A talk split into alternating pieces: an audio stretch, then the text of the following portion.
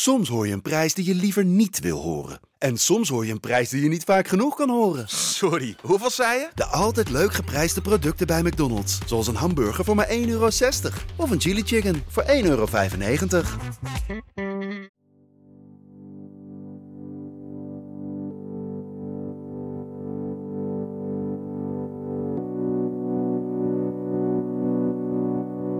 De weg naar de top is een geleidelijke, zeggen ze. Nou, mijn geduld raakt zo onderhand wel op. Als het bij mij in dit tempo doorgaat, heb ik nog zeker een eeuw nodig voordat de top een keer aanklopt. Nee, dan heeft Thomas het beter gedaan. Die speelde tenminste in zijn nadagen nog bij topclub Ajax. Of nou ja, het was een satellietclub uit Kaapstad, maar het klinkt in ieder geval als de top. De weg naar de top van Maarten, dat was eerder een afdaling. Ooit jong oranje en nu in de vallei in het Zuid-Hollandse Hoornaar begonnen aan een herstart. Nee, doe het dan maar als Denzel Dumfries. Hoe je in vier jaar tijd doorstoot van Sparta naar de Europese top, dat moet je even komen uitleggen. Dus hier lang verwacht, maar eindelijk bij ons. Denzel Denta Dumfries. Goed om je te zien, man. and it went like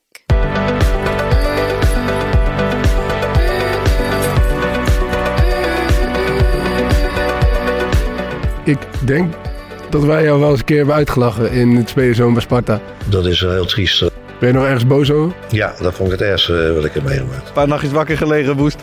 Eindeloze boosheid zit er in die goot. Het moet gewoon klaar zijn. Ik ben klaar nu. Heel boos kijken.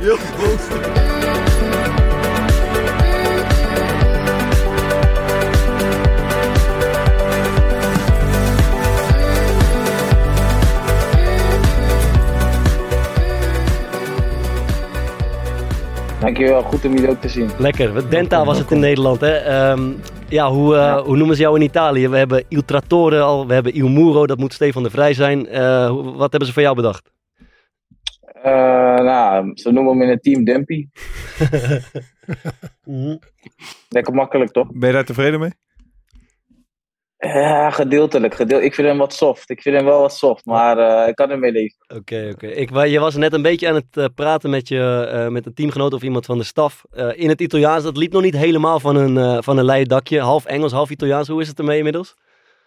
Ja, ik, ik versta het wel goed, maar praten, dat, dat gaat niet. En ik heb deze week een standje gekregen van de captain dat het nu al tijd wordt dat ik het ook ga praten. Vet. Dus ik ga mijn best doen. Ja, ik- wil toch even aftrappen met een...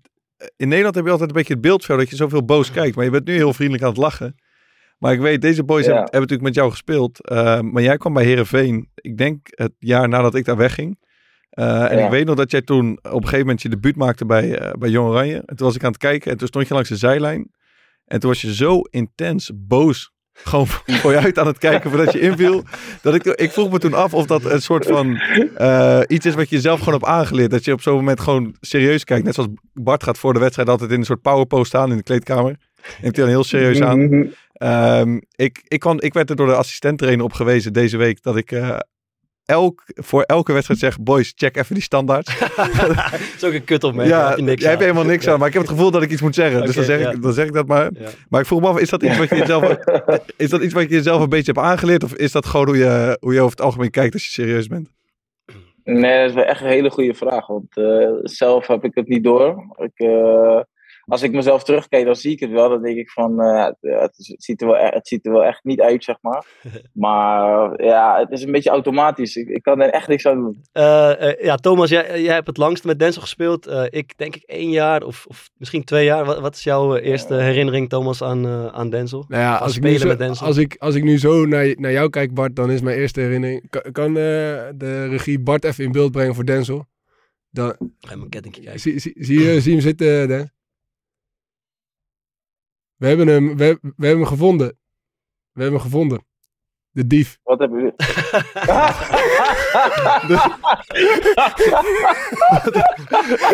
dat, dat je dat nog herinnert. We hebben hem eindelijk gevonden. Ik heb echt context nodig. man. Ik ook. Gevonden, ja. Iedereen heeft, het is leuk, leuk dat jullie samen een pretje hebben, maar iedereen heeft context nodig. Wil je hem even teruggeven, alsjeblieft? Dat is het verhaal. Nou ja, kijk. Eh, Eigenlijk wilde ik aan Denzel vragen van ja, je kan nu wel zeggen dat je hem gewoon kwijt bent geraakt. Maar Nee, ik ben hem... Ik, nee. nou ja, Denzel had een mooie ketting van Surinaams goud. En die is op een dag tijdens de training eh, eh, spoorloos verdwenen geraakt. Ja, ja. Eh, ja, het is eigenlijk niet echt om te lachen, want, want dat is denk ik de grootste doodzonde die je kan begaan als, Ja. als medespeler. Maar we weten tot op de dag van vandaag niet eh, wie die ketting nou uiteindelijk heeft meegenomen. Ja. Nee.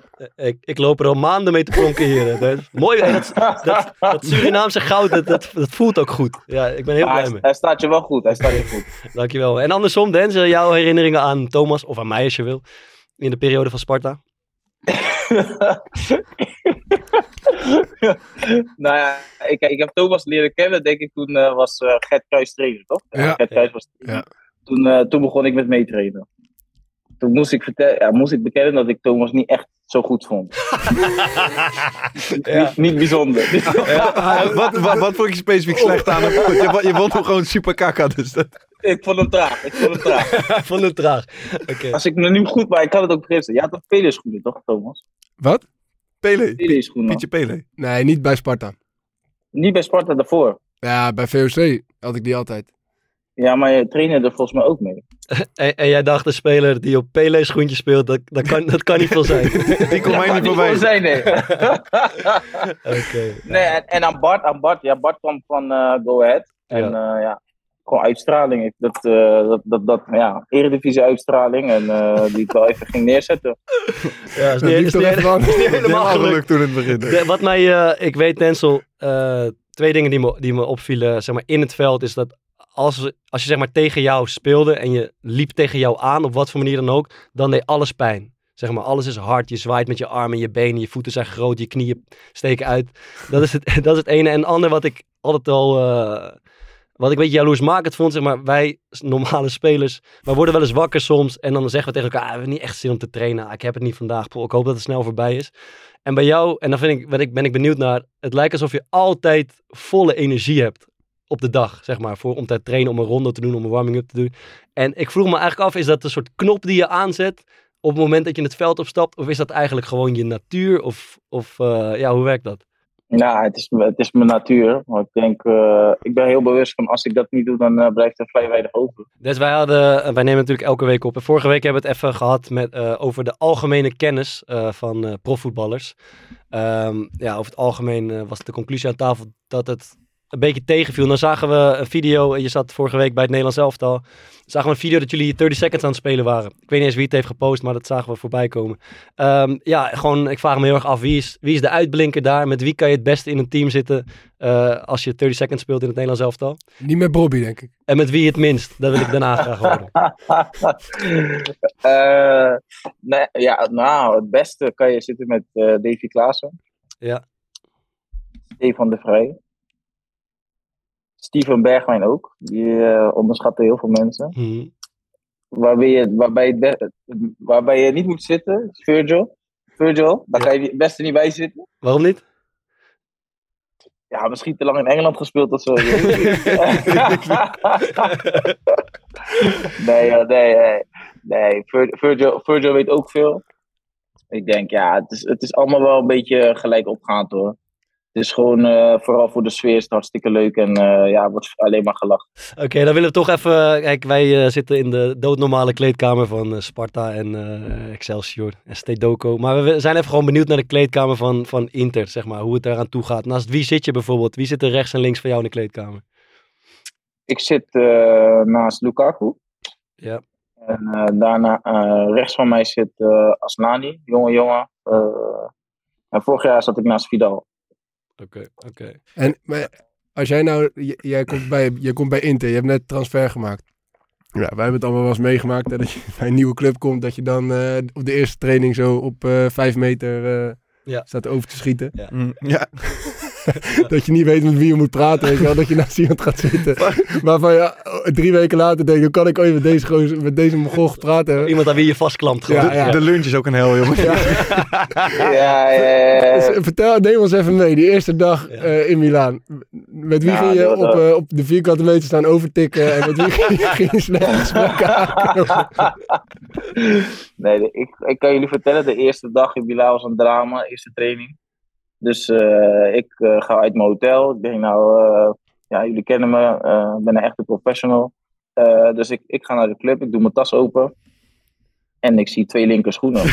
Hey, rot op. Ja, ik zweer het, ik zweer het. En niet eens spreekwoordelijk. Lekker man.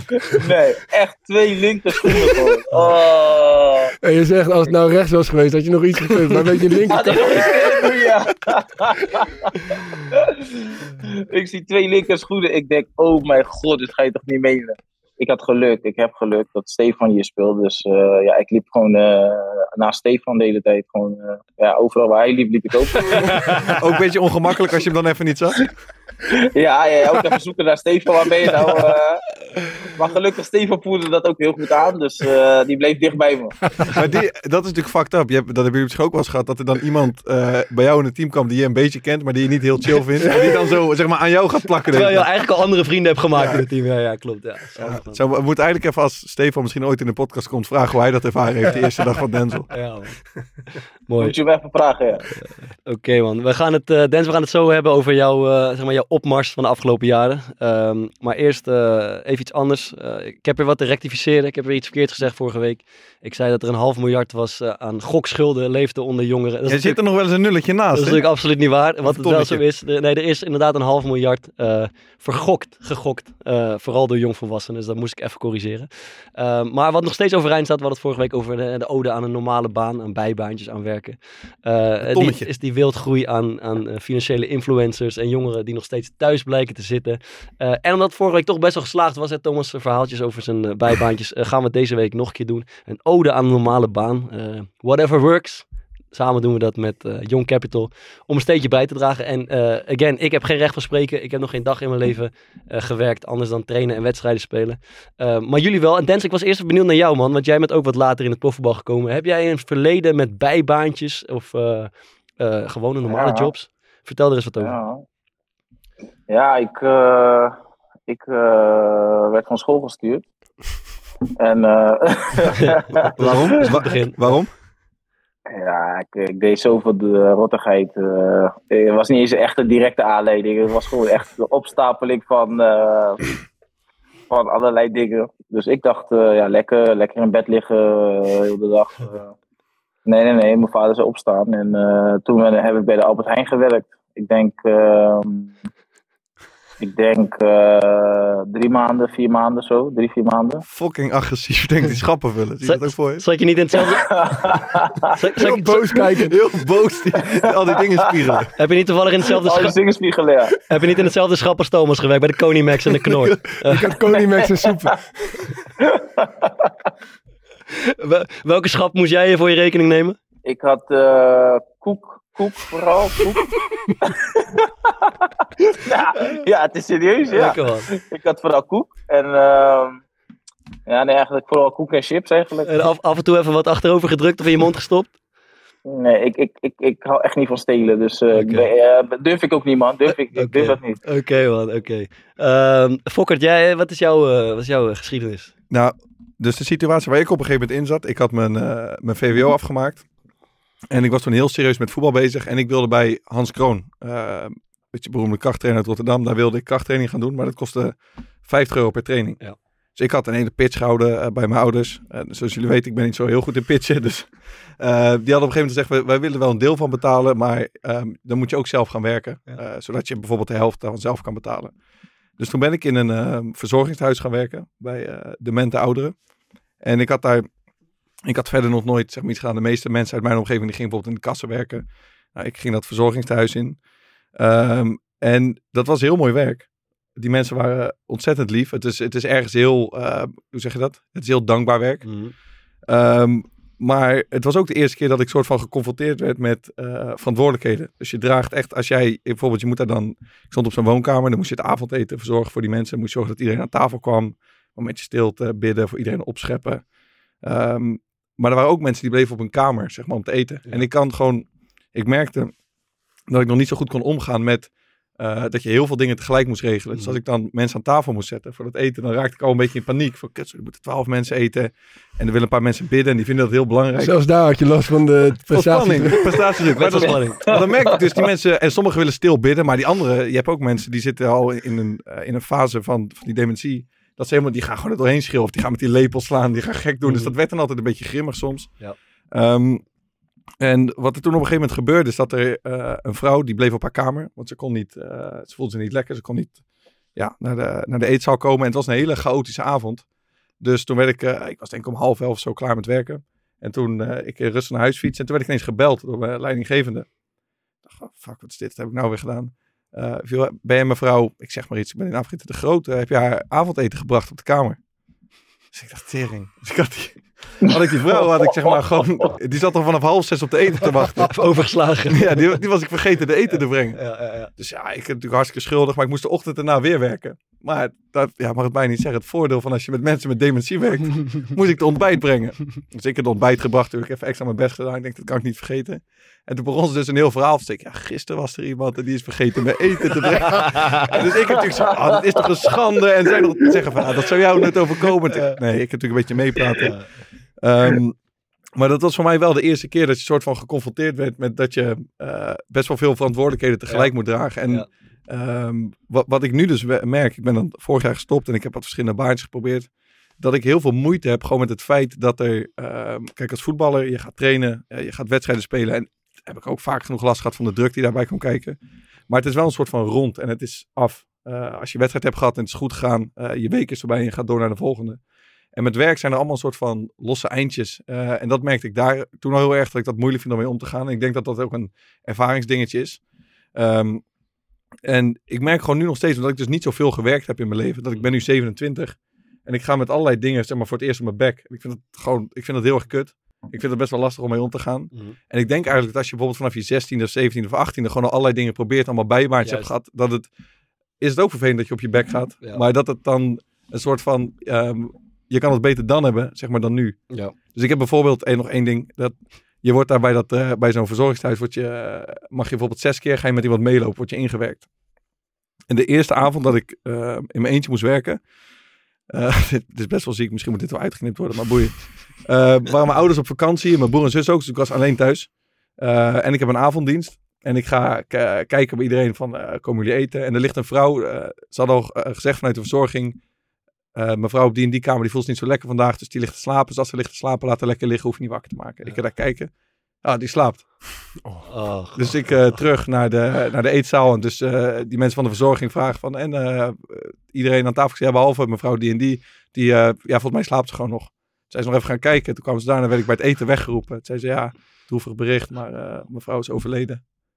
Dus dat ik zeg maar mijn eerste werkdag, dat ik in mijn eentje was, ik was toen denk ik 18. Ja. Ehm, ja, had ik dus iemand eigenlijk zien, een soort van overlijden. ja.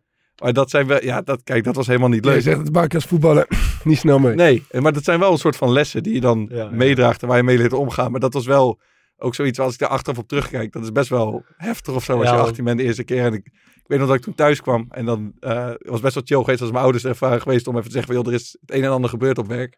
Maar dat was er niet, dus je groeit daar ook wel, zeg maar, een soort van van op, denk ik. Ja, je zei net dat je niet goed kon pitchen, maar eh, je hebt uitstekende pitch Ja, gedaan voor jonge mensen om eh, zo Om, snel mogelijk te gaan solliciteren. En waar om- kan dat? Sterk man, Eh, dit was het tonnetje. En als je geïnspireerd bent door dit verhaal van Maarten, ga naar www.youngcapital.nl slash corepodcast.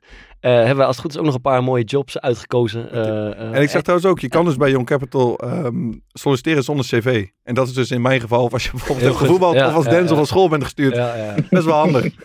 Dus nog één keer youngcapital.nl slash eh, corepodcast. En dan maak je hopelijk niet zulke dingen mee eh, als Maarten in zijn, eh, in zijn jeugd heeft meegemaakt. Jullie, jullie doen die promotie echt fantastisch. Dankjewel. Er moet ook wat verdiend worden. Het Dennis. levert ook een hoop op. ja, begrijpelijk.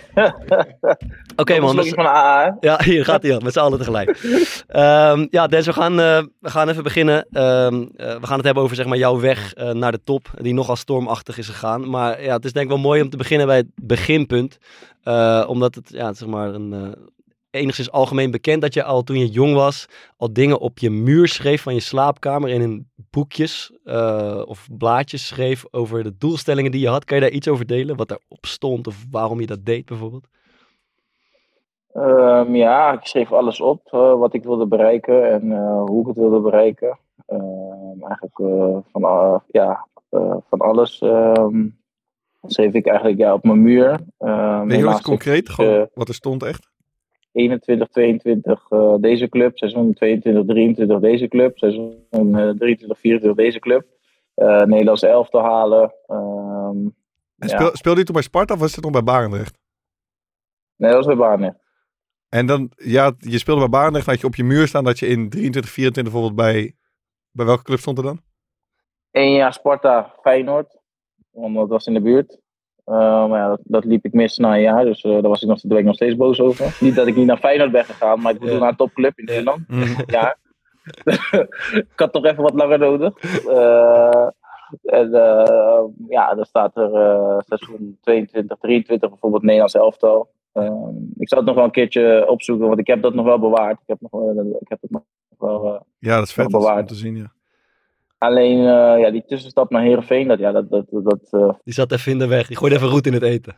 die gooide behoorlijk goed in deze. we Dan gaan- even. We gaan, het, eh, we gaan het zo even stap voor stap hebben, zeg maar, over die, die stappen die jij hebt doorlopen. Ehm, het verhaal is, zeg maar, je had overduidelijk, zeg maar, tomeloze ehm, vertrouwen in jezelf en in je eigen ontwikkeling. Maar om jou heen waren allerlei mensen, jeugdtrainers of, of scouts van topclubs, die dat nog helemaal niet zagen. Hoe, hoe verklaar je, zeg maar, het verschil dat, dat jij dat wel zag en de rest van de wereld nog niet? Beperkte visie, hè? Ze zagen het, ze, ze, ze, ze waren, wat, wat was beperkt in hun visie dan? Nou ja, kijk, eh, ik, voor mij voetbal is, eh, je heeft verschillende aspecten. Je hebt eh, technische spelers nodig, je hebt harde werkers nodig, je hebt de jongens die een goal kunnen maken nodig. Ja. Het, is, het is, een team is, het, hoort, het moet in balans zijn. Ja. En ik, ik, ik vind dat in Nederland te vaak wordt gekeken naar eh, een bepaald type speler. Mhm. En eh, waardoor bepaalde spelers eh, onderbelicht worden of overgeslagen worden. En als je in mijn tijd, ik was zeker niet de beste. ook niet in mijn tijd van Sparta was ik ook niet de beste. Maar als je ja, goed kijkt, dan zie je dat ik wel toen ook de voorwaarden had om een bepaald niveau te gaan halen. Maar het is wel het, eh, oprecht echt interessant, want je hebt vaker jongens die bijvoorbeeld bij een Barendrecht A1 spelen of bij Feyenoord of Sparta in de, in de jeugdelftallen. Ja. En die dan zeggen van ik ga, ik ga de Champions League winnen. Ja. Of ik ga het Nederlands elftal halen. En dat doe je dan toch vaak af als een soort waanidee. Ja. Ehm, terwijl het voor die jongens dan wel vaak een soort van... Je hebt wel soms het idee dat ze het zelf ook echt geloven. Ja. Ehm, maar het is best wel een soort van... Ik vind het gewoon een heel bijzonder idee dat je dan op zo'n moment... ehm, een soort van voor jezelf kan redeneren. Oké, ik zie bepaalde kwaliteiten bij mezelf. Dus ik denk dat ik dat kan gaan halen. Omdat er nog een soort van zoveel stations... Er kan zoveel fout gaan Ja. onderweg. Dus ik Ja. vind het wel... eh, het klinkt zeg maar als een heel mooi verhaal. Maar het is natuurlijk eigenlijk krankzinnig dat je zo ver vooruit durft te kijken. Ja. Als het ware. Ja, man. Ja, maar ja, dat was. eh, dat, ja.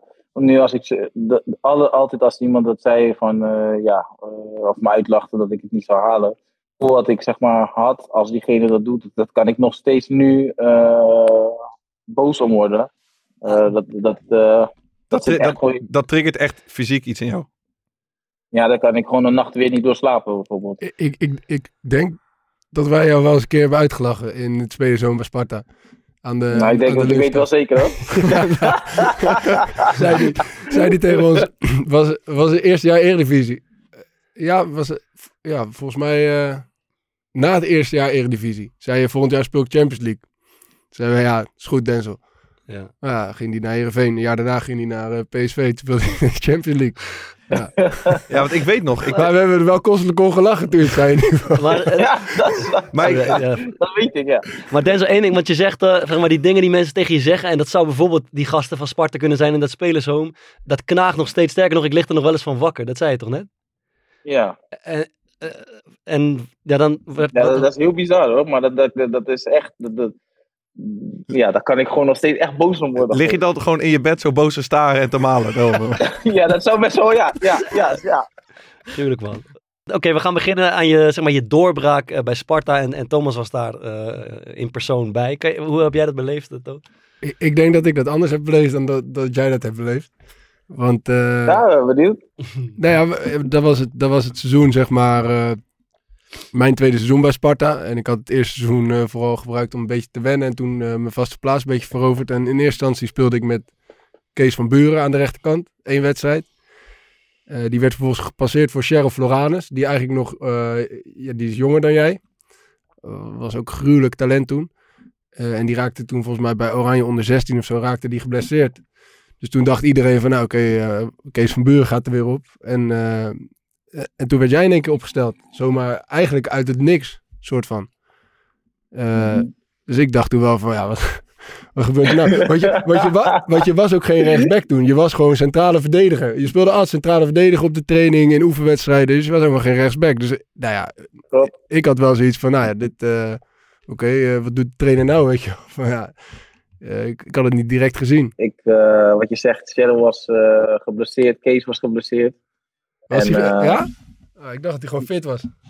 Nee, ik dacht ook dat Kees fit was, ja. Maar dat was niet zo. het was gewoon een noodgreep. Ik heb tot de dag van vandaag gewoon gedacht van, ja, dat hadden ze goed gezien. Maar het was gewoon, jij was de enige die nog over was. ik was de enige optie nog, ja. Maar ik vraag me af, eh, Thomas zei net dat het voor hem een soort van eh, helemaal uit het niets kwam. Maar als ik een beetje jouw verhaal zo hoor, was, het, eh, was jij waarschijnlijk soort van mentaal al helemaal klaar. Soort van om te gaan spelen. Waarschijnlijk al maanden van tevoren. Dus kwam het voor jou ook een soort van uit het niets? Of was dit echt wel iets waar je ehm, gewoon al maandenlang soort van mee bezig was? Van oké, ik moet gewoon één keer erop komen en dan is het gelijk klaar. Ja, het was voor mij eh, een beetje een vraag van, oké, ja, hoe ga ik natuurlijk nou wel echt doorbreken bij Sparta? Eh, want ik had, eh, centraal had ik gewoon Michel voor me, Rick Ketting. Maar ja, dat was, dat was best lastig. Je had ook een vrij strak Ja. schema. Wat zeg je? Je had een vrij strak schema, want je moest zeg maar het eind van het jaar het Nederlands elftal spelen ongeveer. nou, dat, en dat jaar heb ik wel onder 20 gehaald. Kijk. Dus dat was een positief ding. Oké, even eh, flash forward. Eh, je, je wordt kampioen eh, met Sparta. Je wordt denk ik eh, talent van het jaar van de Jupiler League of Ja. kampioen divisie. Eh Ja, hij was boos dat hij niet eh best speler werd. het spelen van, ja, je was boos? Is constant ja, boos. zeker boos. Eindeloze boosheid zit erin. Een paar nachtjes wakker gelegen, woest. Lekker. Eh, maar, maar we spoelen even door. Eh, goed Eredivisie seizoen eh, eh, met Sparta. En vervolgens eh, klopt uh, Heerenveen aan. Dat is misschien niet helemaal de tussenstap die jij voor ogen had, maar het gebeurde wel.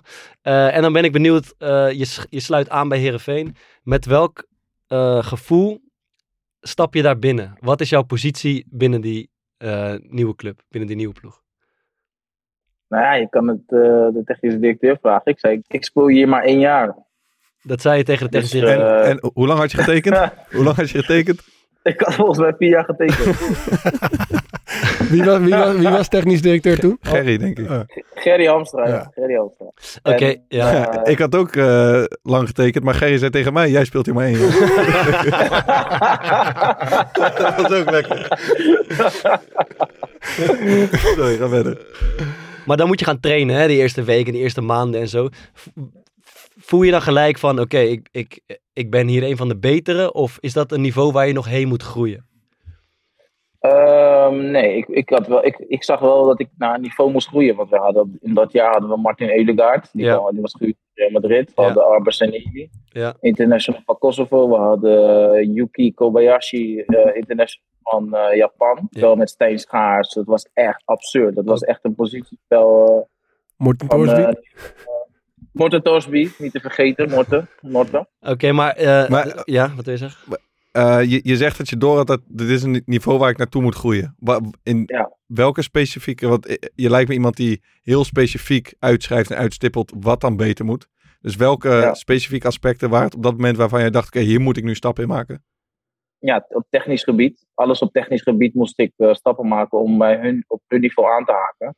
En vooral met Stijn Schaars had ik daar heel veel gesprekken over. Van ja, als je naar het hoge niveau wilt, dan moet je een bepaald, eh, een bepaalde basistechniek hebben.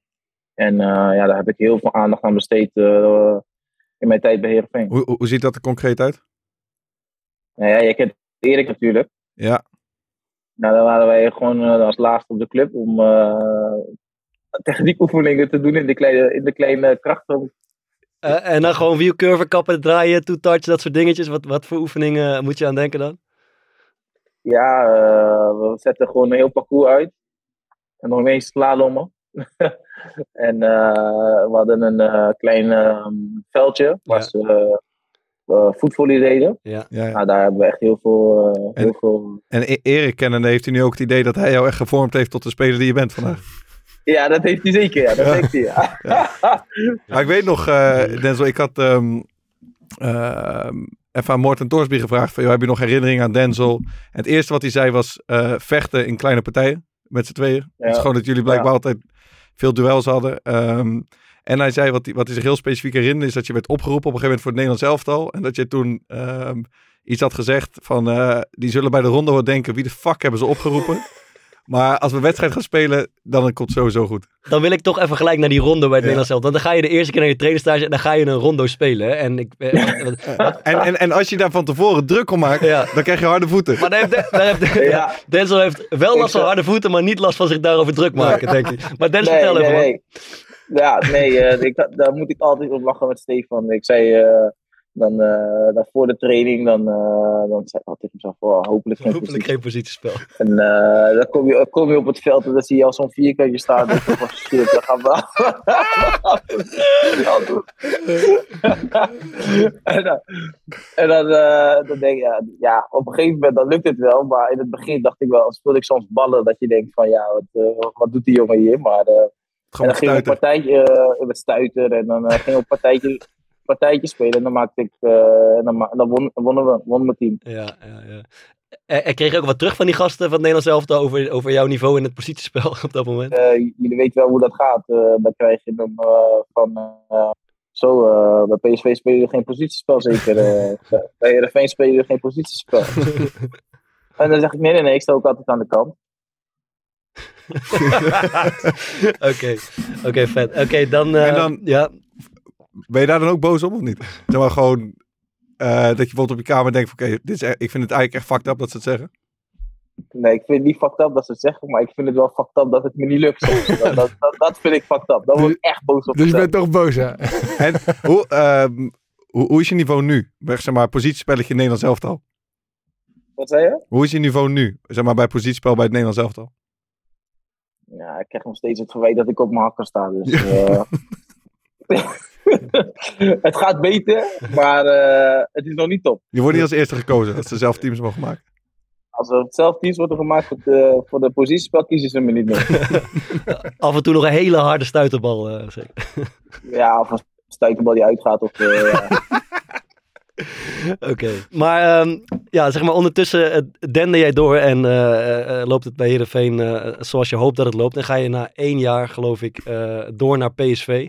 Eh, weer een nieuwe club en waar je weer een soort van een nieuwe status moet eh, creëren. Eh, wat, wat tref je daar aan bij PSV in vergelijking tot Heerenveen qua kwaliteit en qua niveau? ja, het was wel echt een eh, ander, ander niveau. eh, ook gezien eh, de grootheid van de club, Ja. vooral in dat stukje. Was het echt eh, groter. Ik had wel het geluk dat ik veel jongens al kende, zoals Steven Bergwijn, Ja. eh, Pablo Rosario, Ja. eh, Bart Ramselaar. En ja, wat is er aan, aan het niveau van PSV in vergelijking met wat je gewend was bij Heerenveen? Wat is er daar beter dan in, in Friesland? Ehm, ja, ik denk vooral op de trainingen, denk ik, ja, de individuele kwaliteiten. Mhm. Ik denk wel in dat jaar wat ik had bij Heerenveen, dat het positiespel bij Heerenveen wel beter was dan bij, Heerenveen, dan- dan bij PSV. Gunstig. Eh, maar bij, Dus maar bij bij PSV kon je lekker mee. En toen bij PSV, ja, dan kom je met jongens met veel meer individuele kwaliteiten. eh, sneller, sterker. Ehm, ja, gewoon dat het, het totale plaatje was gewoon ehm, ja, beter. Wat zeg maar toen je, ehm, je vertelde net dat toen je bij Heerenveen kwam, dat het niveau best hoog lag. Dat je dacht, oké, ik moet hier stappen maken om te gaan aanhaken. Was het verschil wat je tussen jezelf zag en het niveau waar je naartoe wilde ehm, bij Heerenveen groter of bij PSV? Eh, bij Heerenveen. Oké. Nou, netjes.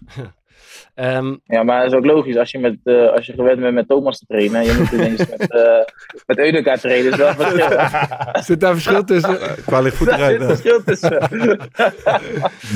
ehm, Ook een vraag voor jullie. Heb je wel eens gewoon gehad dat je je voorbereiding zeg maar echt slecht gestart bent? ja, bij Sparta man. Gewoon, eh, ik had, ik had me die, die zomer, ik kwam bij die gasten in het team, ik had me die zomer echt voorgenomen. Ik had een goed seizoen bij Go Ahead Mhm. Eagles achter de rug. Heel veel getraind die zomer voor mezelf, fitness, rekken, strekken, alles. Ik had echt goed getraind. Eh, en ik kwam in de eerste week, ik, ik, ik, ik speelde ook niet goed, ik had geen goed niveau. Ik was met allerlei dingen tegelijk bezig, verhuizen, gedoe, nieuwe stad, allemaal shit regelen. En ik, ja, ik, ik vond het, eh, ik zat gewoon niet goed in. En ik raakte denk ik na anderhalve week geblesseerd. En dat duurde denk ik de hele voorbereiding. Dat duurde nog drie, vier weken. En toen kon ik weer aansluiten zeg maar in de laatste week van de voorbereiding. Maar alles was al geregeld. Ja. En ik had ook op geen enkele manier indruk gemaakt. Eh, dus het was ook helemaal niet logisch dat ik dan wel zou gaan spelen in de eerste week of zo. Ja, was wel met rechte valse start kan Ja, ik wel zeggen. Ik weet dat ik had dat mijn tweede jaar Toen bij zat je op de bank, toch? Ja, ik heb toen ook op de bank gezeten. En dat vond ik dan weer heel moeilijk geestelijk. Omdat ik toch gewend was die, af, die 3,5 jaar daarvoor. Dat ik een belangrijke speler was. Dat ik eh, eh, toch een soort van status had. En toen was ik opeens ja, gewoon niks. Gewoon op de Nummer, bank nummer zitten. Nummer 14. Niemand die echt... Ja, want eh, ik vond je ook niet, echt niet zo goed in het begin. eh, Nee, ik speelde ook niet goed. Nee, zeker niet. En, dat, en daar moest ik zeg maar wel aan wennen. Dat ik opeens... Dat denk ik nu, eh, ja. Ja, begin, eh, Kan jij, kan jij nog herinneren, Denzel, met dat groepsappie toen? Wa- Waar in die krachttraining, eh, dat, was hem. toen, toen kwam Vriends net nieuw binnen en toen werd er in, in voorbereiding tijdens onze vakantie, of zoiets, of, of aan het einde van het, eh, van het jaar, werd, werd zo'n groepsappie gemaakt met nieuwe, met nieuwe krachten, oefeningen en zo die we moesten doen tijdens onze vakantie. En daar werd Bart dan ook ingegooid. En, en wij zaten was allemaal bij elkaar toen hij zeg maar erin werd gezet. En toen opende hij zo, hey, eh, mannen, eh, mooi om deel uit te maken van dit team of zo. eh. en toen zaten wij bij elkaar en toen zei hij, hier, die reageren, die reageren. Jawel. Ik Of weet nog... Die Klopt, ja, reageerde het ging zo. Ik maakte gewoon een stom... Want we kregen, we kregen een lijst door. Dan moest je allemaal dumbbells meenemen op vakantie. En weet ik veel wat. Je, kreeg gewoon, je moest gewoon Ja. super veel oefeningen doen. En toen zei ik zoiets van... Zoiets van zo, ik veel, lekkere binnenkomen dit of zo. En toen kwam er heel lang niks. En toen zei, toen zei Roy inderdaad, die, die redde hem uit de brand. Maar ik weet niet precies meer wat hij zei. Maar nou ja, Roy zei dit. Eh, ja, maakt niet uit, dat voetballen kunnen we sowieso niet. zo is het, is Dit is, hem, is echt bijgebleven wat hij de reactie Ja, maar ik, ik weet ook, wat, we hebben het er later nog over gehad. Dat is ook helemaal niks voor Roy, zeg maar, om dat aan te doen. Toch wel wij hebben Roy toen helemaal kapot gemaakt. Ja, Hoe kan je nou. Ja, reageren? is zo fucked up. Als je nieuw in een groepsapp komt en je wil een geintje maken, maar niemand reageert. Ja, man, doodziek. doodziek, doodziek. Ja, we waren geen leuke gasten, man.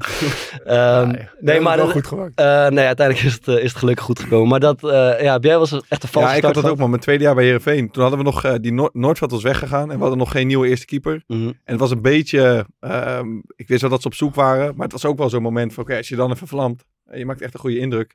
Dus ik had, ook, ik had die zomer niet normaal lopen stieren. Ik was Ja. gorddroog. Ik heb mijn, eh, mijn kop kaal geschoren. Ah, ik heb echt oprecht geen, ik heb geen bal gevangen, man, die eerste twee weken. ik, weet, ik kan me gewoon nog een 11, een 11 tegen 11 voor de, eh, voor de geest staan. Dat ik gewoon iedere opbouw, zeg maar, terwijl daar ben ik best wel goed in. Ja. Gewoon alleen maar verkeerde keuzes. Dat die Lodewegers op een gegeven moment gewoon zich omgedraaid heeft. en dat je gewoon aan alles ook ziet, die trainer, oké, die is klaar. Die zit een streep doorheen. Verpest. Ja, week daarna Mulder. Ja, lekker was dat. Man. Ach, mooi man. Ja. Ehm, maar even terug naar eh, PSV Denzel. Want bij Heerenveen werkte je dus heel specifiek aan die techniekvormen in, met, met, eh, met Erik in dat hockey. Eh, is er iets bij wat je bij PSV specifiek hebt eh, proberen te ontwikkelen? Mm, ja, ik, denk- ik denk dat het technische aspect, ook bij PSV heb ik daar heel veel aandacht aan besteed. eh, op de trainingen, eh, maar ook, eh, we hadden zo'n klein veldje binnen. Ja. Ja, daar heb ik gewoon veel aandacht aan besteed. Oké, En, en gevoelsmatig, hè? Want volgens mij, als je een volgende stap wil maken, dan kom je binnen in een nieuw team. Dan ben je daar ergens in het midden van die ploeg, zeg maar, qua status. Maar je moet naar de absolute top van die groep komen om een volgende stap te kunnen maken. Zeg maar, qua gevoel, waar zat je in die groep toen je net bij PSV kwam? Onderin, midden, al aan de bovenkant? Nou ja, kijk, eh, ze hadden Arias verkocht aan Atletico en Ja. mij ver- verkocht als zijn vervanger. Oké, Als zijn directe vervanger. Mhm. Dus ik wist wel dat ik er gelijk eh, zou staan en dat ik zou gaan spelen. Ja.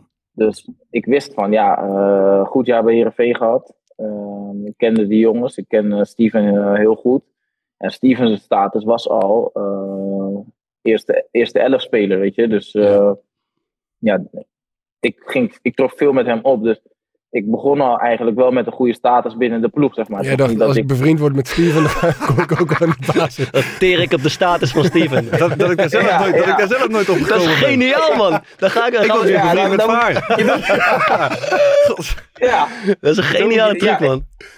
ik zat toch ook aan tafel met Michel en Verhaar. Dat is, gewoon- dat is gewoon slim. Ja, we hadden wel een mooi tafeltje hoor. Ja, wat een heel mooi tafeltje. Had je bij PSV ook het idee van dit is één jaar? Nee, geen één jaar, maar ik, ik kwam wel boos aan, omdat ik... eh,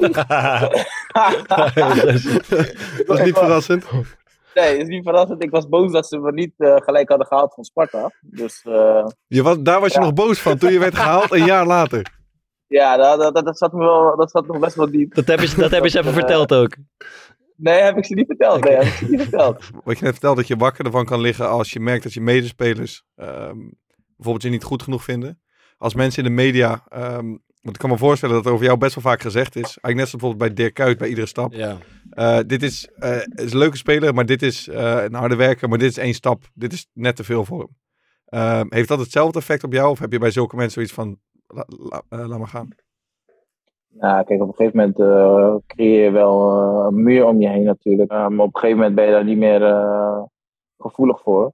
Eh, maar ja, ik, ik, ik heb dan weer iets heel raars. Na een slechte wedstrijd slaap ik weer als een roos. Dus eh, dat is weer het rare van, eh, van mijn, mijn, mijn zoek jij op zelf wat mensen over je zeggen of van je vinden of, of roepen in de krant of op tv?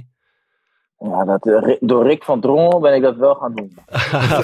wat, Daar ben ik nog steeds boos over. wat heeft Drommel hier te maken? ITWM, Vertel, wat is dat? Wat is dat? dat weet jij niet. Ja, natuurlijk wel. Ik, ik doe het niet voor mezelf, die podcast. Hè. Mensen, waar, waar, eh, waar ben je allemaal boos op? begonnen bij ITWM. Wat? ITWM is allemaal begonnen. Leg even uit man, Ja, ITWM. nee. Ja, nee, Rick, die, dus ik zocht alles sowieso op. Dat- Ik ben wel iemand dat, eh, vooral vroeger deed ik dat. Hè, dat zo, dan eh, googelde ik mijn naam en Ja. dan eh, kon ik al die artikelen eh, lezen. Ja. Maar Rick zei tegen mij, nee, je moet eh, Twitter doen, je moet je naam eh, tweeten. Ah, dat, dat, dat, dat, is pas erg. Dat is, dat is echt heel erg. Doe je dat nog steeds wel eens? Ja. ja? Nee. Jij gaat naar Twitter en dan zoek je gewoon Dumfries. Hashtag Dumfries. Ja, dan, eh, ja, dan zoek ik voor Dumfries en dan lees ik eh, wat ze zeggen. Maar ja, Maar, dan zie je ook wat ze tijdens de wedstrijd zeggen. Dus Ja. dat, de emotie op dat moment. Dus dat, dan zijn er ook nog wel bepaalde dingen die niet helemaal lekker zijn. En, maar- wat- maar- en wat is het kut is dan? Wat, als het kut is. Ja, tuurlijk. Ze lopen ook de zeik op je natuurlijk. Ja, ja, nee, dat maakt me niet uit. Ik, ik, ik, eh, ik heb heel veel zelfspot. Dus eh, ja, wat, ja, ik, ik, ik begrijp het nog, nog soms 9 van de 10 keer begrijp ik diegene ook gewoon. Ja, ook gewoon gelijk, toch? Ja, maar met, met wat voor doel zoek je dat? Gewoon om, eh, eh, eh, als vermaak? Of eh, gewoon omdat je gewoon een, een soort nieuwsgierigheid hebt die je gewoon niet Eh, kan stoppen? Ja, het is ook wel een, een, een tik die ik niet kan stoppen hoor. Dus het is wel echt veel verminderd, omdat je zoveel wedstrijden speelt. eh, ja, eh, ga je dat ook gewoon minder doen. Maar ehm, ja, het is ook wel een beetje gewoon eh vermaak wat, wat mensen over je zeggen. Eh, heel even terug naar dat ITWM. Dat is een soort supportersforum eh, voor, voor Sparta-fans, toch? Ja, ja. En dan ging je, je ging ook Ja. naar die website om te kijken wat Spartanen over jou zeiden. Kan je één, want Ja. jij, jij weet sowieso nog een paar voorbeelden van wat er over jou gezegd is. Weet ik zeker. Kan je nog iets, de- iets herinneren? ja, hoe heet die man nou? Echt, Namen, alles zeggen. Kom maar. ik kom er misschien zo op hoe die man heet. Oké. Eh, Maar wat zei hij? Wat schreef hij? ja, dat ik er niks van kon en dat, eh, dat, eh, dat, dat het ongelooflijk is dat ik bij Sparta speel. En eh, dat hij dat hij het niet begrijpt. Maar echt eh, vreselijke dingen. Maar hij stuurde het ook altijd naar Roy. Ook naar, naar Roy en mij. dus ik had het met Roy altijd erover.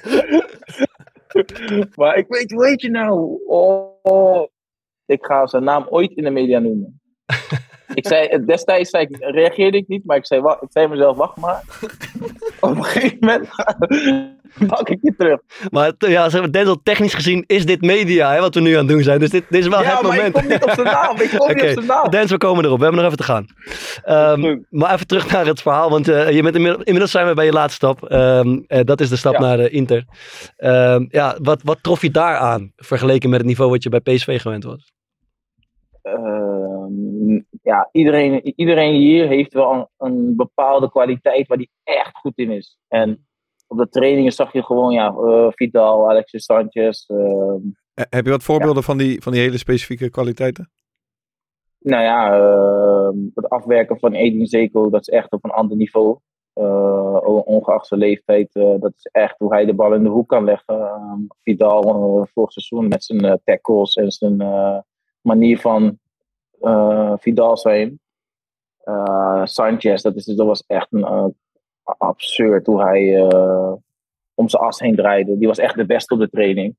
Ja, dat is gewoon een, eh, een hoger niveau. Ik vraag me af dat je, eh, als je terugkijkt bijvoorbeeld naar jouw periode eh, bij Sparta, eh, dat je met Thomas en Bart speelde, ehm, die misschien op dat moment, zeg maar, toen je daar aankwam, verder waren dan jij. En misschien ook bijvoorbeeld jongens zoals, eh, eh, die we allemaal kennen, Rick Ketting, die op dat moment verder is dan jij.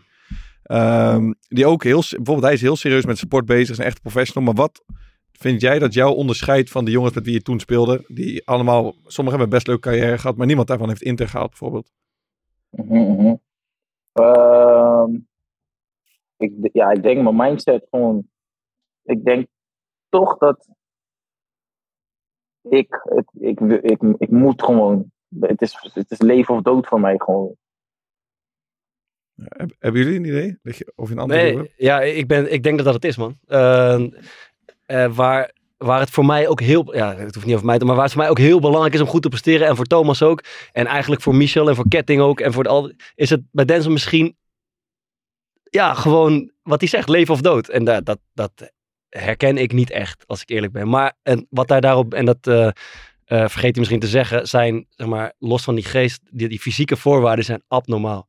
Dat zijn, eh, en dat is, niet, dat is zeg maar de energie die die kan leveren, maar ook gewoon kracht en snelheid en een groot lijf. En ja, dat gecombineerd met die leven of dood mentaliteit, maakt dat daar iedereen voorbij, iedereen voorbij is gespeurd, volgens mij. Ja. Ik weet niet hoe Thomas, ik kan misschien eh Ja, en- meer duiden, maar dat, zijn, dat is een combinatie van twee dingen die uitmuntend zijn, zeg maar. Een uitmuntende, eh, ehm, hoe noem je dat, instelling, drive Mm. en een uitmuntend fysiek. En hij heeft, zeg maar, wat hij net vertelt, hij heeft zo gewerkt aan die zwakke punten, heel concreet gewerkt aan die Mm. zwakke punten, dat het, het pakket, het totale pakket is gewoon een product voor de top geworden. En dat geldt voor andere spelers niet. En ik, eh, hoe ik het kan zien, eh, ik heb met best wel veel jongens gespeeld eh, die echt op bepaalde vlakken super getalenteerd waren. Maar waar een trainer altijd tegen zei, je moet in je, in je kracht gaan spelen. Of je moet doen waar je goed in Ja, bent en dingen waar je niet goed in bent, Mhm. niet in doen. En volgens Ja. mij, hoe ik jou zie, Denzel, dat wat hem heel erg onderscheidt van andere spelers, is dat hij extreem goed is Ja. in het benutten van zijn kwaliteit. Ja. Ja, wa- wa- wat, ik wel vet vond, en misschien is het ook wel leuk om nu dat eh, filmpje of zo erbij te pakken. Ja. Ik had even wat, wat beelden, want wat ik me kan herinneren, zeg maar, was dat het gelijk vanaf het begin wel voor mij heel duidelijk was dat jij en de kracht had om er altijd overheen te denderen. Maar hij wordt ook een beetje onderschat, zeg maar. Dat is, want dat heeft met heel veel dingen te maken. Eén met natuurlijk dat je, dat je moet kunnen, dus dat je de inhoud moet hebben, maar ook met, met timing bijvoorbeeld. En, en eh, dat is iets wat je vanaf het begin al, eh, al, al had. Dus misschien is het grappig om even Ja, die... we, eh, we gaan het, eh, zo, hij is echt schitterend natuurlijk. eh, eh, want Thomas, Ja. eh, Denzel ook voor jouw beeldvorming. Eh, we zijn druk met die podcast bezig, maar Thomas bemoeit zich helemaal op de achtergrond meestal niet echt met de voorbereiding ervan of zo. En ik kwam die van de Ja. week, kwam die van de week ineens in onze groepchat. Boys, ik heb eh, videobeelden van mezelf en Denzel opgezocht. Eh, Ik dacht om- echt, ik zei letterlijk, what the fuck. Ja, dus wat Thomas heeft gedaan, hij heeft een hele compilatie van zichzelf, waar hij zelf goed uitkomt. Hij komt er eigenlijk beter uit dan jij, Denzel. Dus ik vermoed, ja. ik vermoed, dat, het, ik, ik vermoed dat het meer gaat over zichzelf dan over jou. Ehm, maar eh, voor Thomas een eh, gevoel, ook aan ons, aan het grote publiek. We kunnen nog even zien hoe goed Thomas kan voetballen. Nee, ja, maar om, om, om, om, om het nog iets concreter te maken. Is, we maken zeg maar altijd zo'n... eh, ik maak dus een opzet voor een draaiboek. En dan kijken we naar. En dan doen we dan een beetje over sparren. Maar, en vaak kijkt altijd naar. Maar hij vroeg eigenlijk nooit wat toe. Dus had hij nu gezegd, ik heb wat dingen aan het draaiboek toegevoegd. Dus dan zag ik een paar hele kleine zinnetjes zo in het groen. En ineens een hele grote alinea. Ik Ja. heb wat beelden van mezelf en Denzel opgezocht. Ja, we hebben dit kunnen zien, maar we dat Geweldig. kunnen zien. En vervolgens kijk je die video. Is het een grote verhaarshow. Maar, ehm, nee, wacht even, wacht even, wacht even. Jullie zijn echt teringhonden hier. Maarten de Fokker. Lijkt mij heel mooi, man. Kunnen we daar even de diepte in daarover? Ja, Ik zal Morten even vragen wat hij zich herinnert van de samenwerking met Denzel ook. Ja. En dan Ik nu ben, ook- zo. ik ben een hele aardige En dan nu zo. Ja. Het waren vrienden en ik het hebben. Ja, ja, vriend. In de lappie zat er al vroeg in, hoor. Ik vind dit wel nice. Nee, oké. Maar ehm, even wat we, wat we gaan doen. eh, want in de podcast werkt het met beelden niet zo goed. Maar we hebben het kleedkamertje 1 sinds kort in het leven geroepen. Daar gaan we eh, die beelden bespreken. eh, die, die we zo meteen gaan kijken. En waar we dieper op ingaan. Maar eerst eh, gewoon voor de normale podcast. Even een heel klein lesje, zeg maar. eh, voetbaltactiek. Ehm, de overlap is iets waar Denzel, eh, ja, natuurlijk, wat je eigenlijk heel je leven al doet. Ehm, en waar je ook goed in bent. Kan iemand hier aan tafel vertellen voor de leek thuis. Wat is de overlap van de back? Ik blijf even stil. Ja, nou, nou ja, dat is volgens mij het moment waarop de, de buitenspeler of andere speler de bal heeft en, en- de back een loopactie maakt daaromheen Ja. of aan de binnenkant.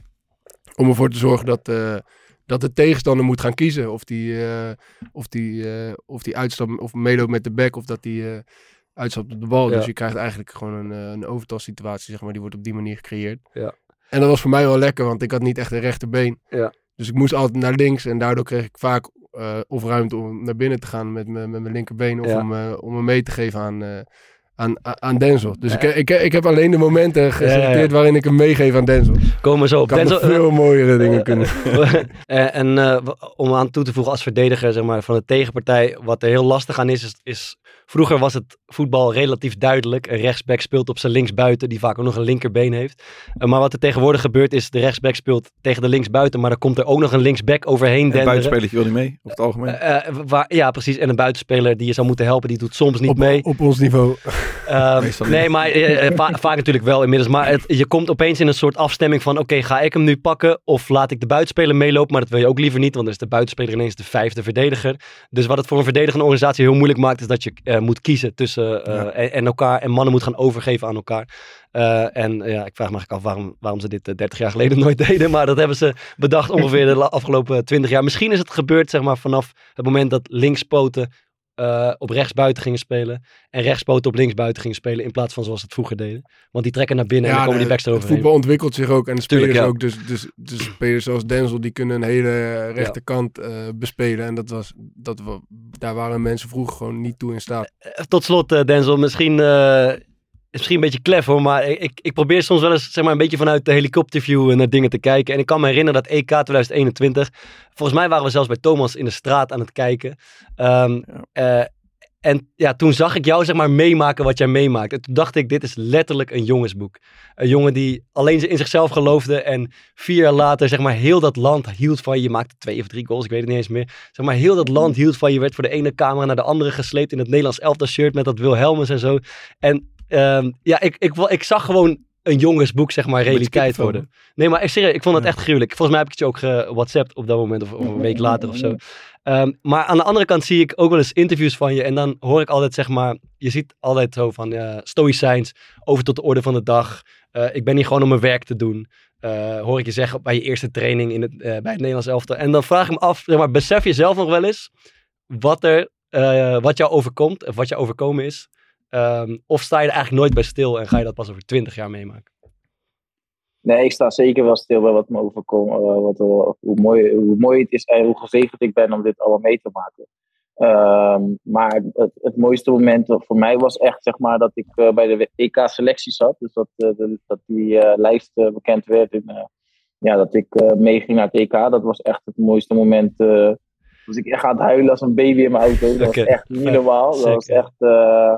ja, dat was echt mooi. Echt, daar kreeg ik zelf kippenvel van. Ja, ja. Nee, tijdens het EK, eh, wat zei je? Ja, wie, wie bel je dan? Wie belde je als eerste? Of wie was zeg maar de eerste die je toen eh, waar je contact mee Ja, m- m- mijn moeder. Want ik aan het huilen ben, wil ik niet dat niemand het ziet. Dus eh, alleen mijn moeder, die, dat, dat, dat mijn moeder.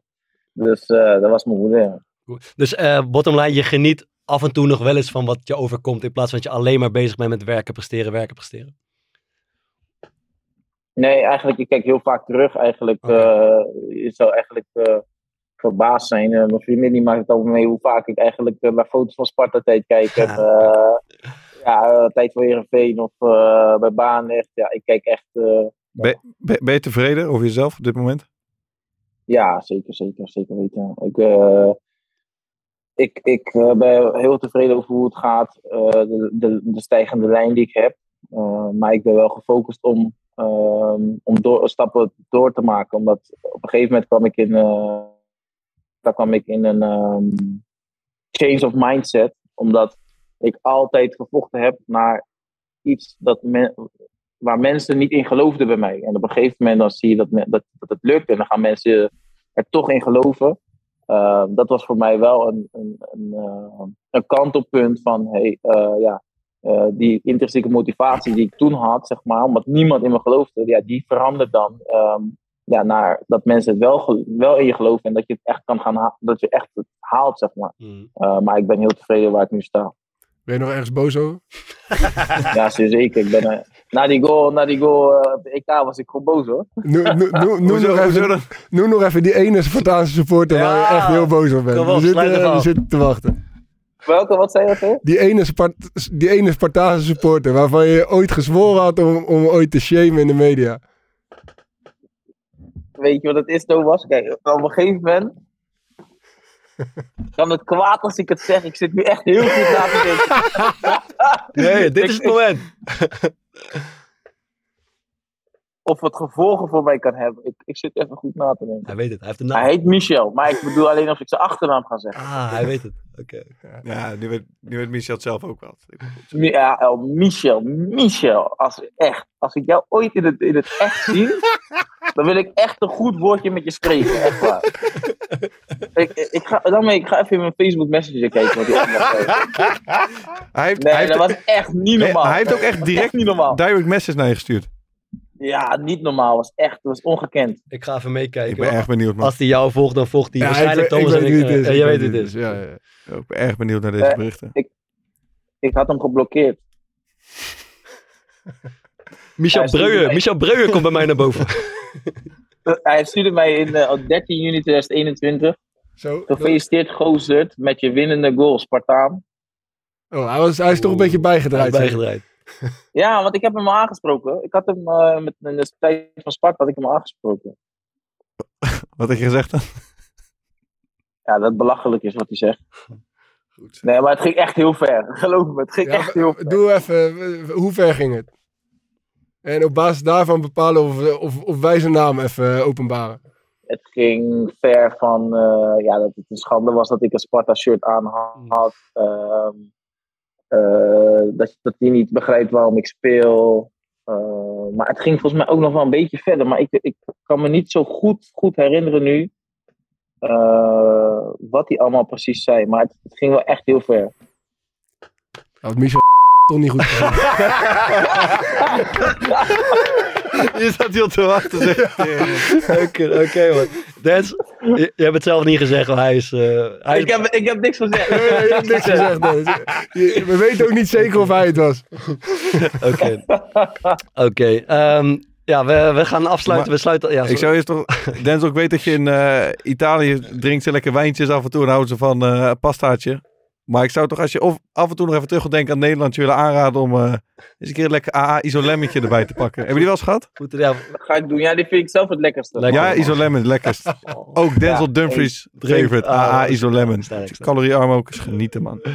Oké, we, gaan- we sluiten eh, zoals eh, iedere week af met een, eh, een rondje aanraders. Eh, Denzel, ik hoop dat Thomas je gebriefd heeft hierop. Eh, Wisten jullie trouwens dat onze aanraders nog steeds te vinden zijn op Mohi? nee, Wat slet ben jij ook. Niet normaal.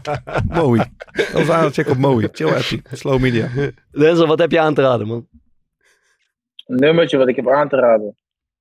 Ja, het nummer, we sluiten af met het nummertje. Maar de aanrader eh, is eh, een boek, een eh, tijdschrift, een film. eh, Er staat een plekje. Activiteit. Ik dacht dat ik alleen een nummer moest doen. Oké, weet je wat we doen? Nu moet ik toch even nadenken. Ja, weet wij je, gaan wel eerst. Wij, tijd om... eh, wij na maken een rondje. Als het rondje Ja. klaar is, heb jij een aanrader en een liedje. Ik trap hem wel even af deze week. Ik, heb een keer, ik, ja. Ik, ik, ik heb een keer echt iets... eh, Jij kapt hem af deze week? zei Trap hem af. Oké. Ja, kan ook even afkappen wat jij wil. Nee, echt iets eh, luchtigs. Eh, heel af en toe luister ik naar de podcast De Eerste de Beste. Het gaat over eh, de enige voetbalcompetitie die ik nog een beetje volg. eh, de Mm. keukenkampioen-divisie. Ehm, eigenlijk voor één man, Jo Buit. Vind ik, eh, Ja. heeft een heel fijn stemmetje om naar te luisteren. En deze week ehm, kreeg ik een beetje flashbacks. We hebben toen die politieke serie gedaan. En na de aflevering met Farid Azarkan, is die weer. Ja. Zijn wij in, eh, hoe heette die app ook weer? Cl- Clubhouse? Clubhouse. Ja. gegaan en daar kwam Pierre van Hooijdonk Mhm. toen in. En die is toen ineens, om, dat was denk ik half één s'nachts op een doordeweekse dag, is die allemaal mensen, ik weet niet of je het nog weet, onder de bus gaan smijten bij ons in die Clubhouse chat. Ja. En hij is nu bij de eerste de beste op bezoek geweest. En daar gaat hij gewoon vrolijk mee door. Hij flikkert de ene naar de andere onder de bus. Waaronder Henkie Spaan. Eh, eh, erg Ja, gemakkelijk. Pierre en Henk die gaan niet lekker. Hè? Nee, dat bleek inderdaad. Dus eh, even een keer wat luchtigs over mijn favoriete kamp- eh, competitie. Leuk man. Oké. Eh, ja, ik heb heel iets anders. Ik, ik ben... eh, ik, ik heb een eh, DNA-test gedaan om een, ide- eh, nee, om een etniciteit te ontdekken. En dat vond ik leuk. Het, leek mij... Ja, het is een raar verhaal. dit, is een heel, dit is een heel raar verhaal. Maar Wat, wat, wat, wat denk jij? Ik denk, Ik heb godverdomme nog ineens tijd om naar de kapper te gaan. Zo druk heb ik. Deze gast die gaat gewoon Deze een DNA-test doen om, om, om zijn etniciteit. Kijk, het verhaal is, je hoort natuurlijk altijd, hè, wat is, wat is een leuke vraag, eh, wat, wat is je afkomst, waar kom je vandaan? Ik ben natuurlijk gewoon volledig Nederlands, maar ergens stiekem hoop je nog dat er iets super exotisch ergens achter ligt. Zou geweldig zijn. Dus ik, eh, eh, Laura had het ook gedaan. Ik dacht, ik doe het ook. Kost het geloof ik 60 of 70 euro. En dan moet je een beetje eh, slijmvlies nemen. Stuur je op naar een laboratorium. En dan stuur, laat ze exact zien wat jouw... of ja, niet, niet Ja, exact. we wat, van onze stoel. wat Kom. geschatte etniciteit is. En dan weet je dus voor de rest van je leven... Oké, hier kom ik vandaan. Bij mij is het zeer teleurstellend antwoord. Ik kom volledig uit, eh, eh, laat ik zeggen, Noord- en Noordwest-Europa. Dus eh, voor 80% uit Nederland, een beetje uit België en een beetje uit Scandinavië. Dat is het. Daarbij krijg je een, het is, daarbij krijg je een hele, kan je een hele stamboom invullen. Maar het is best wel vet, dus je kan echt tot generaties terug, terug, terug zien waar jouw, voor, waar jouw overgrootouders en bedovergrootouders en voorouders vandaan komen. Regio, in mijn geval gewoon simpel, regio Rotterdam en Amsterdam. Hij zegt gewoon van de week tegen mij, ik ben echt druk deze week. Dus ik heb het lang geleden al gedaan. Maar ik ben heel druk. Maar het is echt leuk om te doen. Zeker, want ik vermoed bijvoorbeeld Denzel. Ik denk dat jou... Volk, eh, is dit nou een eh, goede ja. tip? Of- Wacht nou even, man. Dit is een mooi... dit- mensen gaan dit leuk vinden. Oké, Dus, oké. eh, want ik weet bijvoorbeeld, Denzel, jij bent geloof ik half Surinaams en half Arubaans. Eh, dat is in de eerste lijn. Maar het zou ook interessant zijn om zeg maar lijnen verder terug eh, te gaan. Waar dat, Ja, eh, ga- ik ga het zeker doen. is serieus vet om te doen. Eh, voor mij viel het dus erg tegen. Ik vermoed voor Maarten ook en voor Thomas ook. Maar het kan spannend worden. 100% Duits, denk Het, ik. het, het Mijn einde, oma kwam uit Veghel. eh, mijn tip is dus, ga naar myheritage.com. Ik ben niet gesponsord, ik heb het gewoon daar gedaan. En eh, als je zin hebt om je et- etniciteit te eh, achterhalen, eh, go for that shit. Dat is hem, man. Mooi. Goed tipje, hè? Ja, fantastisch. Sterk. Hij was lang ook. Je, bent wel, gewoon- je hebt wel gewoon gebikkeld. Ja, ik moest echt knokken, man. ja, je moet Denzel ook een beetje tijd geven. Ja, ik moest Ja, knokken voor deze, man. Eh, ik, heb, eh, ik heb een film die ik aanraden, wil aanraden. Met eh, Javier Bardem, ehm, Scarlett Johansson. eh, en het is een, een film van Woody Allen. Echt een fantastische film. Speelt zich af in Spanje. film heet Barcelona. nee, eh, echt, eh, nee, ik zweer het. Het gaat over een soort driehoeksverhouding tussen twee Amerikaanse meisjes en een, eh, en een Spaanse eh, kunstenaar. Penelope Cruz zit ook nog in. Dat is de ex-vrouw van die Spaanse kunstenaar, echt geschriftwijf. Eh, en de sfeer van de film is fantastisch. Het laat je zien hoe mooi die, die stad is. Eh, en, en wat je daar allemaal kan beleven. Dennis, je hebt alle tijd gehad. eh, zeg het maar. Ja, ik heb een eh, serie die ik aanraad. Eh, This is Us. Die staat op eh Prime Video ook. Gaat over gezinsstructuur en eh, over onderliggende problemen binnen een gezin die kunnen spelen. Dat gezin bestaat uit twee kinderen en een geadopteerd kind. En daar leer je eigenlijk over eh, ja, wat het allemaal met zich meebrengt. eh, eh, om, om een geadopteerd kind in het gezin te hebben, maar vanuit beide kanten. Dus vanuit de kant van de ouders, eh, vanuit de kant van eh, het kind en vanuit de kant van ehm, eh, de andere kinderen. En eh, ja, dat vind ik wel mooi, dus dat is mijn aanrader. Cool. Nice. Mooi. Eh, en dan eh, hier hebben we nog nu de muziek van eh, Denzel Dumfries om mee af te sluiten. Ja, ik heb een Surinaams nummer. Ik, ik kon ook voor Burna Boy of zo kiezen, maar ik denk nee, dat vind ik niet. eh, het heet Mitori van Sabaku. Mooi. Dus eh, dat is mijn nummer. Nice, nice, nice. Ehm, ja, het was hem. Ja, man. Eh, het was leuk. eh, het was echt tof om je, om je eindelijk een keer eh, voor de microfoon te slepen. Ehm, Ja, ik vond het ook echt leuk, man. Cool. Mooi. Vet. Kunnen we vaker doen.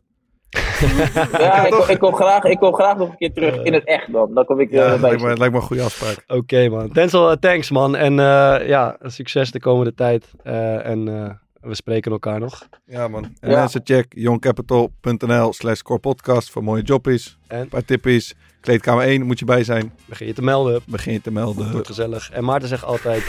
Wacht even. eh, Voordat we eruit gaan. Even één kleine anekdote uit kleedkamer 1. Vandaag, dit je ook mooi, Bart. Eh, Denzel. Eh, vandaag zaten we dus in kleedkamer 1. Er komen luisteraars, zeg maar, eh, die, die, die eh, meer content willen en meer contact willen. Die komen bij elkaar in een soort van groepschat, met ons erin ook. En vandaag eh, probeerde Bart één kaartje voor, voor Sparta Emmen te slijten aan, aan, aan die trouwe luisteraars. Hoeveel reacties denk je dat hij kreeg? Emmenex! ja, zal ik het maar zeggen dan? Zeg jij maar. Tabé. Yo. Vitori mina trovio Asumma vanni cantan Vitori mi trovi mi trovi